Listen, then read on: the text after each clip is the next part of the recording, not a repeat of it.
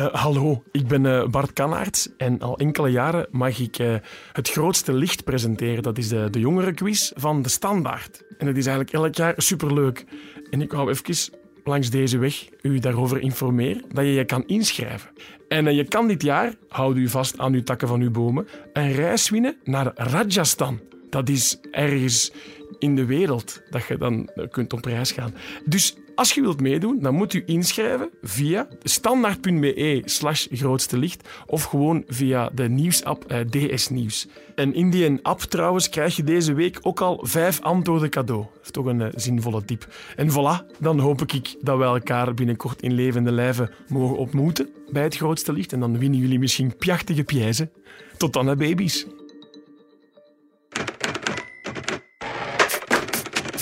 DS Audio. Journalistiek om naar te luisteren. Op 23 oktober 2019 stierven in een koelwagen 39 Vietnamezen die op weg waren naar Groot-Brittannië. The Ultimate Dream stond op de voorruit van de truck die hen oppikte. Het werd de ultieme nachtmerrie. Journalisten Wouter Woese en Roland Termote maakten er een reconstructie van. Het is woensdag 26 februari. Mijn naam is Nele Eekhout en van op de redactie van De Standaard is dit DS Audio.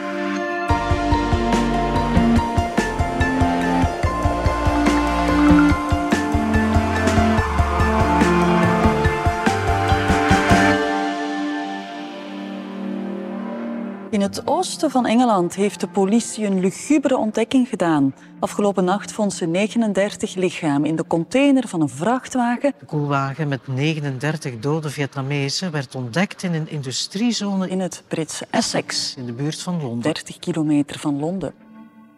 Wouter Woese en Roland Termote van de Weekend- en Buitenlandredactie. Dit is meer dan 100 dagen geleden intussen. En jullie hebben een reconstructie gemaakt van wat er toen gebeurd is. Roland. Ja, dat klopt. Als je naar het journaal kijkt of als je de krant openslaat, eigenlijk gaat er nauwelijks een week voorbij zonder dat je een koelwagen met verstekelingen ziet die ergens op een snelwegparking gevonden wordt door de politie. Dat gebeurt in België, het gebeurt evengoed in Frankrijk of in het Verenigd Koninkrijk. Wij wisten dus dat dit een courante methode was. Maar zelden loopt het zo mis als het hier misgelopen is. Dus dat riep bij ons ook de vraag op, wat is daar eigenlijk precies gebeurd? Ja, Jullie reconstructie begint op dinsdag 15 oktober 2019. Dat is één week voor de fatale rit. En het begint bij een zekere Eamon H. Wie is hij? Dat is een jongeman van 22, een Noord-Ier, een vrachtwagenchauffeur. En wat opmerkelijk is, is dat hij ook eigenaar was van zijn eigen truck, volgens onze informatie. Dat is een, een blauwe Scania trekker die, ja, die behoorlijk duur is. Um, dus voor een 22-jarige is dat toch uh, is dat opmerkelijk dat hij in, in zo'n korte tijd al zo'n bedrag bij elkaar heeft kunnen verdienen. En op de 15e oktober van vorig jaar heeft hij de ferry genomen van Dublin naar de Franse havenstad Cherbourg. Zonder oplegger, enkel zijn truck. En in de week die daarop volgt, uh, doet hij verschillende internationale transportopdrachten. Onder meer op 18 oktober passeert hij in ons land. Hij pikt dan in Zeebrugge een koelwagen op die net teruggestuurd is uit Groot-Brittannië. En die koelwagen is met lading en al teruggestuurd. Uh, daar zaten koekjes uh, in en die waren onbruikbaar geworden door menselijke aanwezigheid. Dat is de week voor de fatale rit. Maar die fatale rit, wanneer begint die? Die fatale rit begint op maandag 22 oktober. Rond de middag pikt Eamon H. in uh, Calais een andere lege koelwagen op. Die is gehuurd door een Iers bedrijf, door een Ronan H. Um, dat is geen familielid, die, die, dat zijn allebei andere familienamen. Dus Eamon H. is de chauffeur? Hij is de bestuurder die de koelcontainer met een blauwe trekker... De blauwe vrachtwagen die de koelwagen met 39 migranten naar de haven van Zeebrugge vervoerde. En Ronan H. is de man die de koelwagen huurde. Wat weten we hierover? Wel, we, we, weten in ieder geval van Ronan H. dat hij een transporteur is die opereert vanuit die grensregio tussen uh, Ierland en Noord-Ierland. En hij werd al eens uh, veroordeeld in 2009 voor een andere vorm van smokkel. Het ging om uh, sigarettensmokkel toen. Hij zou bijna 6 miljoen sigaretten gesmokkeld hebben van Calais naar Dover. Die zaten verborgen tussen wat een lading bevroren fruit had moeten zijn. En Ronan zit in de transportsector daar net als zijn broer. Want die oplegger die stond geregistreerd op de naam van Ronan, maar het adres waarop die gehuurd werd, was een adres waar ook een transportbedrijf van de broer van Ronan geregistreerd stond. Dat is Christopher uh, H. En dat is ook een transporteur.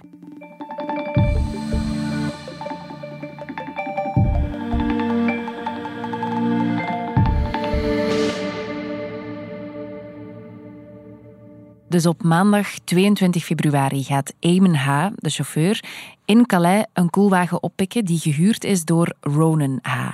En wat gebeurt er dan? Dat kan eigenlijk vrij goed in kaart gebracht worden, omdat zo'n koelwagen een datalogger heeft. Dat is een apparaatje dat de locatie van de trailer bijhoudt en de temperatuurschommelingen in de koelcel. Dat is aan boord om, om redenen van voedselveiligheid. Dan kunnen ze bijvoorbeeld als er diepvriesvoedsel getransporteerd wordt, maar dat is onderweg ontdooid en dus bedorven, dan zie je dat aan die datalogger. Dat was dus ook aan, aan boord in die koelcel. We weten over die rit dat de koeling en de ventilatie niet ingeschakeld waren. En uh, dat Eamon H. met die wagen naar Zeebrugge is gereden. En dan kort voor hij België binnenrijdt, dus hij, hij, komt vanuit Frankrijk, hij komt uit Calais, net voor de Belgische grens uh, merkt die datalogger voor het eerst iets vreemds op. Er is een plotse afkoeling, waarna de temperatuur gestaag begint toe te nemen in de koelcel.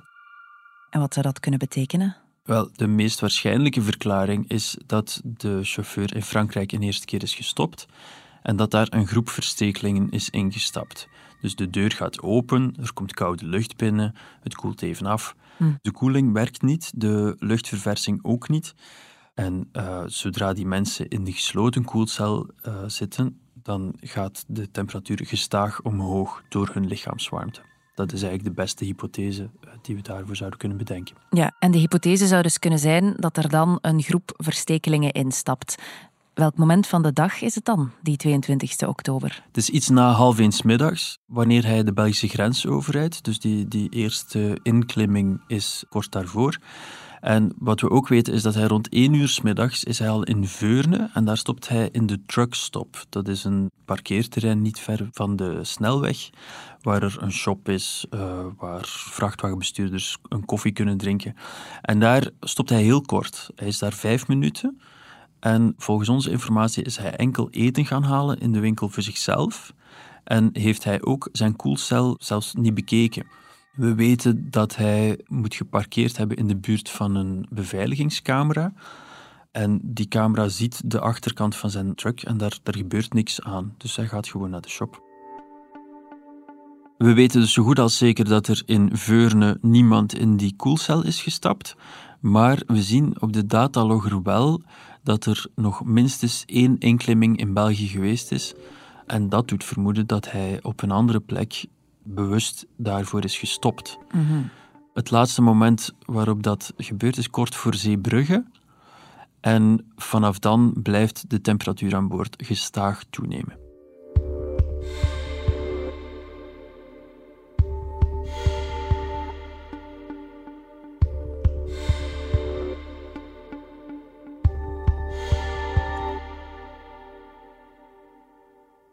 Eamon H. was met zijn vrachtwagen op weg naar Zeebrugge, zei je net.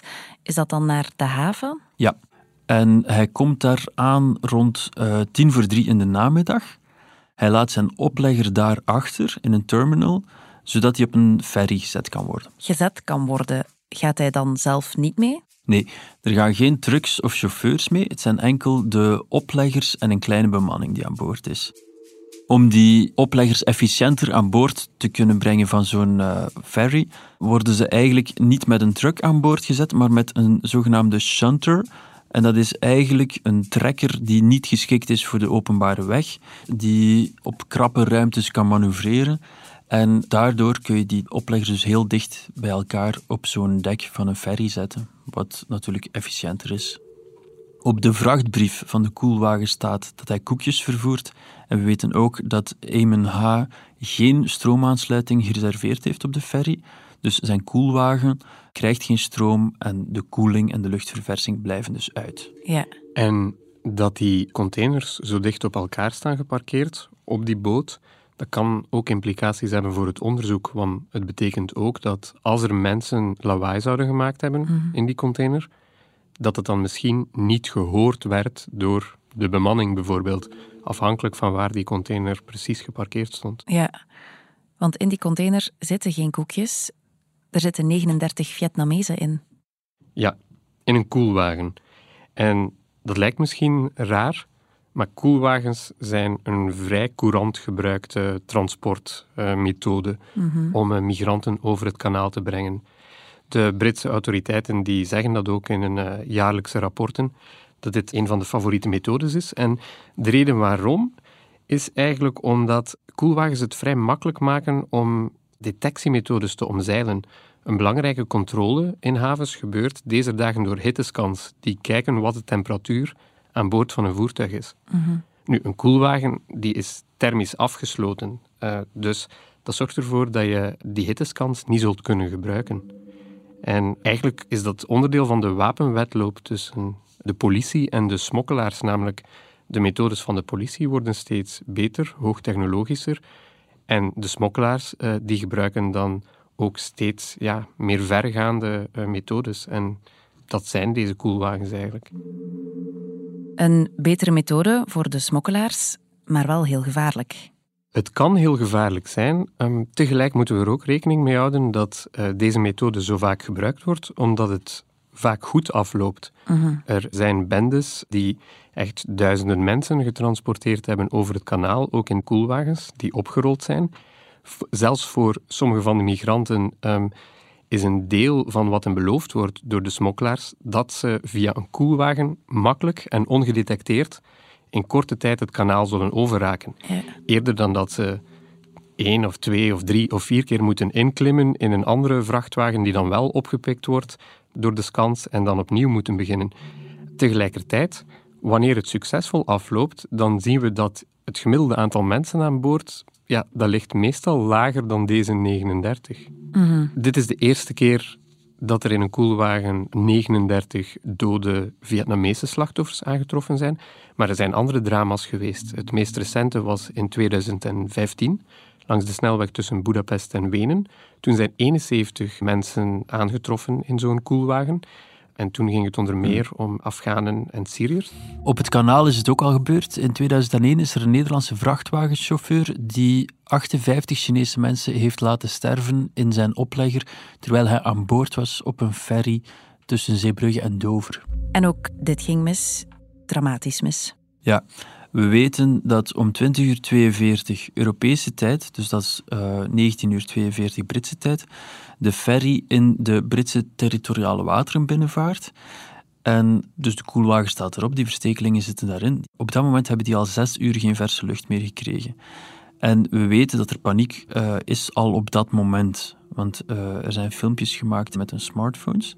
En sommige van die filmpjes zijn afscheidsboodschappen. Ja, en die afscheidsboodschappen die zullen op verschillende manieren ook de pers bereiken. Sommige families hebben die bekendgemaakt. En een van die families is de familie van de 26-jarige vrouw Pam Tetrame. Zij heeft een bericht gestuurd naar haar familie vanuit die container, waarin ze zegt, letterlijk, het spijt me mama, mijn pad naar het buitenland is niet geslaagd. Mama, ik hou zoveel van je, ik sterf omdat ik niet kan ademen. Weten we dan juist wat daar is gebeurd in die container? Wel, door die datalogger weten we in ieder geval al wat er met de temperatuur gebeurt aan boord. En dat is zorgwekkend. Ehm, die temperatuur is blijven stijgen van het moment dat die boot in Zeebrugge is vertrokken. En we weten dat er een piek in de temperatuur is om 22 uur 55 Britse tijd. Dan bereikt de temperatuur 38,5 graden Celsius.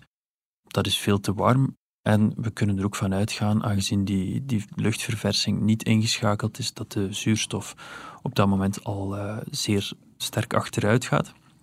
Sterker nog, aangezien die temperatuur daalt, is een zeer plausibele verklaring dat er op dat moment al meerdere doden zijn, eh, omdat hun lichaamstemperatuur afneemt.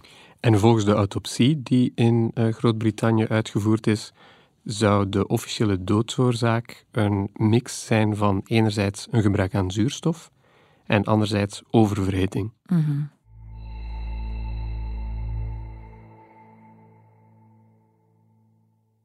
En wanneer is die boot dan aangekomen? Eh, dat is iets na middernacht geweest. In de haven van Purfleet. Dat is een, een vrij kleine haven.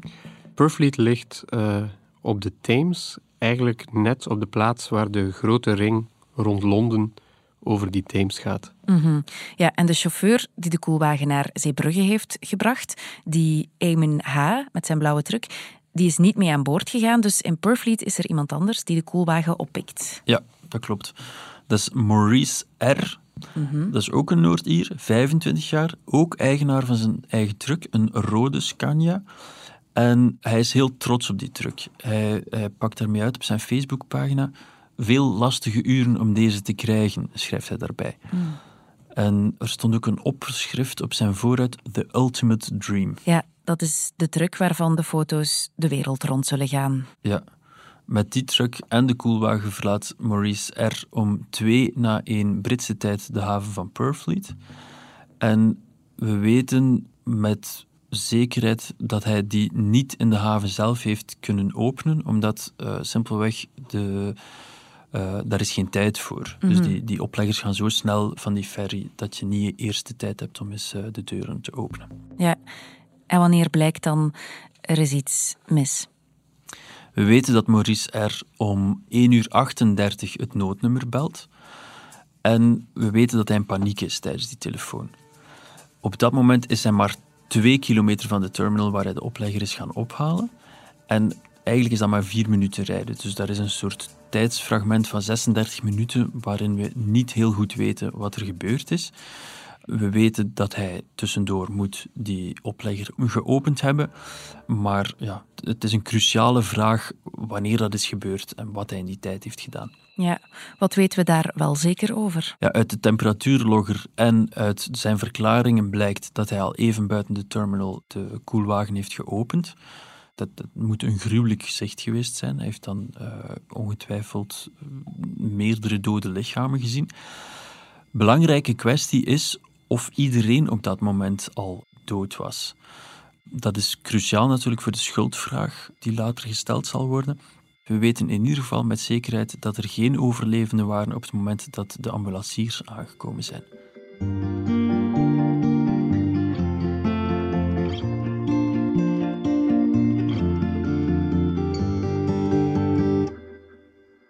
Koelwagens worden vaker ingezet voor dit soort transporten. Daar uh, hadden jullie het eerder al over. Waarom liep het hier dan zo gruwelijk mis? Dat zal het onderzoek moeten uitwijzen, maar er is wel een mogelijke hypothese. We weten dat verstekelingen uit Vietnam af en toe worden aangetroffen in koelwagens, maar ze worden nooit in zulke grote groepen aangetroffen. Mm -hmm. Dat is geen detail, want dat zou wel eens kunnen het cruciale element zijn waardoor die mensen gestorven zijn. Als je twintig mensen in zo'n koelwagen steekt, dan zullen die misschien de zuurstof net niet opgebruiken voor ze ja. in Purfleet zijn. En dan zouden ze misschien niet gestorven zijn. Ja. Hoe is die vergissing dan kunnen gemaakt worden? Dat weten we niet helemaal zeker, maar uh, één mogelijke hypothese is wel dat hier twee transporten samengevoegd zijn. Mm. Misschien bijvoorbeeld omdat er een eerder transport van dezelfde smokkelbende misgelopen was. Ja. Er zijn in ieder geval verklaringen van de broer van die 26-jarige vrouw, over wie ik het eerder had, die dus een bericht stuurde vanuit de container. Zij zou al in een ander transport gezeten hebben, mm-hmm. enkele dagen eerder. En dat transport was uh, gefaald, had ze aan haar familie laten weten. En wat weten we eigenlijk over de slachtoffers? Uh, alle slachtoffers zijn geïdentificeerd. Bij die 39 doden waren vooral mannen. Er zaten acht vrouwen aan boord en er zaten ook drie minderjarigen. Iemand van 17 en twee jongens van 15. We weten dat alle slachtoffers uit eigenlijk drie regio's komen. En alle drie die regio's liggen in het uh, centrum van Vietnam.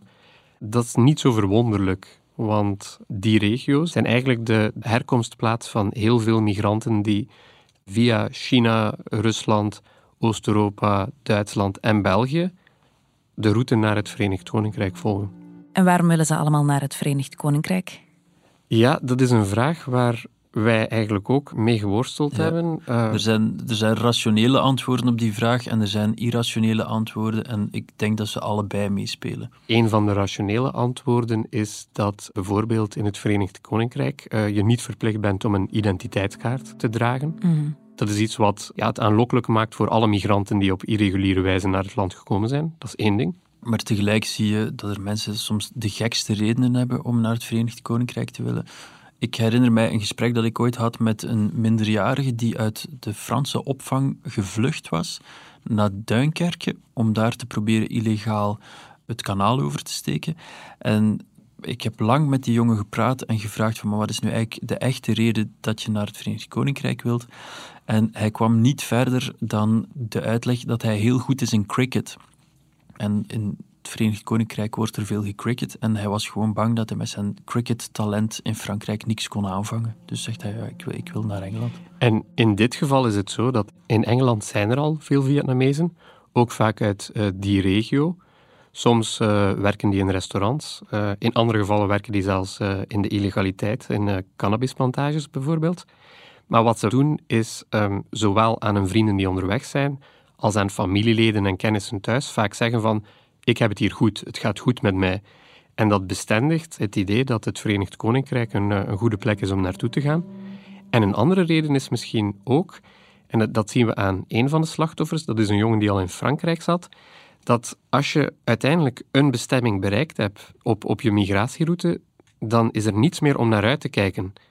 En die jongen bijvoorbeeld, die werkte in restaurants in Frankrijk. Ik heb met zijn vader gepraat. En die vader zei, ja, hij had het heel moeilijk in Frankrijk. Maar hij was eigenlijk al in West-Europa. Er was maar één ding dat hij nog kon doen wellicht. Dat is gewoon nog één stap verder gaan. En dat is dan het Verenigd Koninkrijk. Maar wel via een heel gevaarlijke route, want het kanaal dat is niet makkelijk om over te steken. Ja, een gevaarlijke route en ook een hele dure. Eh, het kost naar verluid zo'n 30.000 euro. Hoe kunnen zij dat betalen? Zijn dit rijkere mensen? Ja, dat zou je denken. Die Ja. moeten vast heel rijk zijn. Maar eh, dat is niet noodzakelijk zo. En dat is zelfs meestal niet zo, omdat dat geld vaak uit verschillende bronnen komt. Vaak wordt het samengespaard eh, door verschillende mensen in het dorp, die dan samenleggen. En dat zorgt ervoor dat er een zekere druk rust op de schouders eh, van, van die mensen, want dat is geld dat terugbetaald moet worden. In sommige gevallen zelfs ook aan woekeraars. Ja, het zou een vergissing zijn om te denken dat ze dit kunnen betalen. Ze gaan ervan uit dat ze dat zullen kunnen terugbetalen, want het is meestal geleend geld. Ja, een internationaal team is het eh, drama van Essex aan het onderzoeken. Britse speurders waren vorige week nog in Vietnam. Ze werken met lokale autoriteiten samen om het eh, smokkelnetwerk op te sporen. Maar de uitbraak van het nieuwe coronavirus blijkt nu de samenwerking te bemoeilijken. Eh, ja, dat klopt. Ehm, en het is niet de enige factor die dit kan bemoeilijken. Het is een complex internationaal onderzoek. Dus ja, er zullen meerdere landen moeten samenwerken. Het blijkt al heel moeilijk te zijn, bijvoorbeeld om Ierse verdachten uit te leveren aan het Verenigd Koninkrijk. Dat lijkt ook al eh, mis te lopen op dit moment. Ja, want wat is er met de betrokkenen gebeurd eigenlijk? Met die Eamon H. bijvoorbeeld, die man die de koelwagen van Calais naar Zeebrugge bracht. Die is in Ierland gearresteerd. Ehm, en die is nog steeds in gevangenschap, maar wel in Ierland. Eh, hij heeft zelfs met succes beroep aangetekend tegen zijn uitlevering naar het Verenigd Koninkrijk. En Maurice R., dat is de chauffeur die het in Purfleet zou overgenomen hebben, die is in Engeland gearresteerd en zit ook daar in de gevangenis. Ja, en dan had je nog de man die het huurcontract voor de koelwagen ondertekende, die Ronan H. Ja, zowel Ronan als zijn broer Christopher zijn nog steeds niet ingerekend. En eh, ja, de politie eh, wil hen nog steeds eh, inrekenen, maar zij begeven zich ergens waarschijnlijk in die grensregio tussen Ierland en Noord-Ierland. Maar ze zijn wel al officieel in verdenking gesteld. Ja. Als er nu mensen veroordeeld worden, wat eh, riskeren zij dan? Ja, ze, ze riskeren heel wat. We hadden het eerder over transport, eh, waarbij 58 Chinezen waren omgekomen in 2001. De vrachtwagenchauffeur eh, die daarvoor is veroordeeld, die heeft een gevangenisstraf van 14 jaar gekregen in het Verenigd Koninkrijk.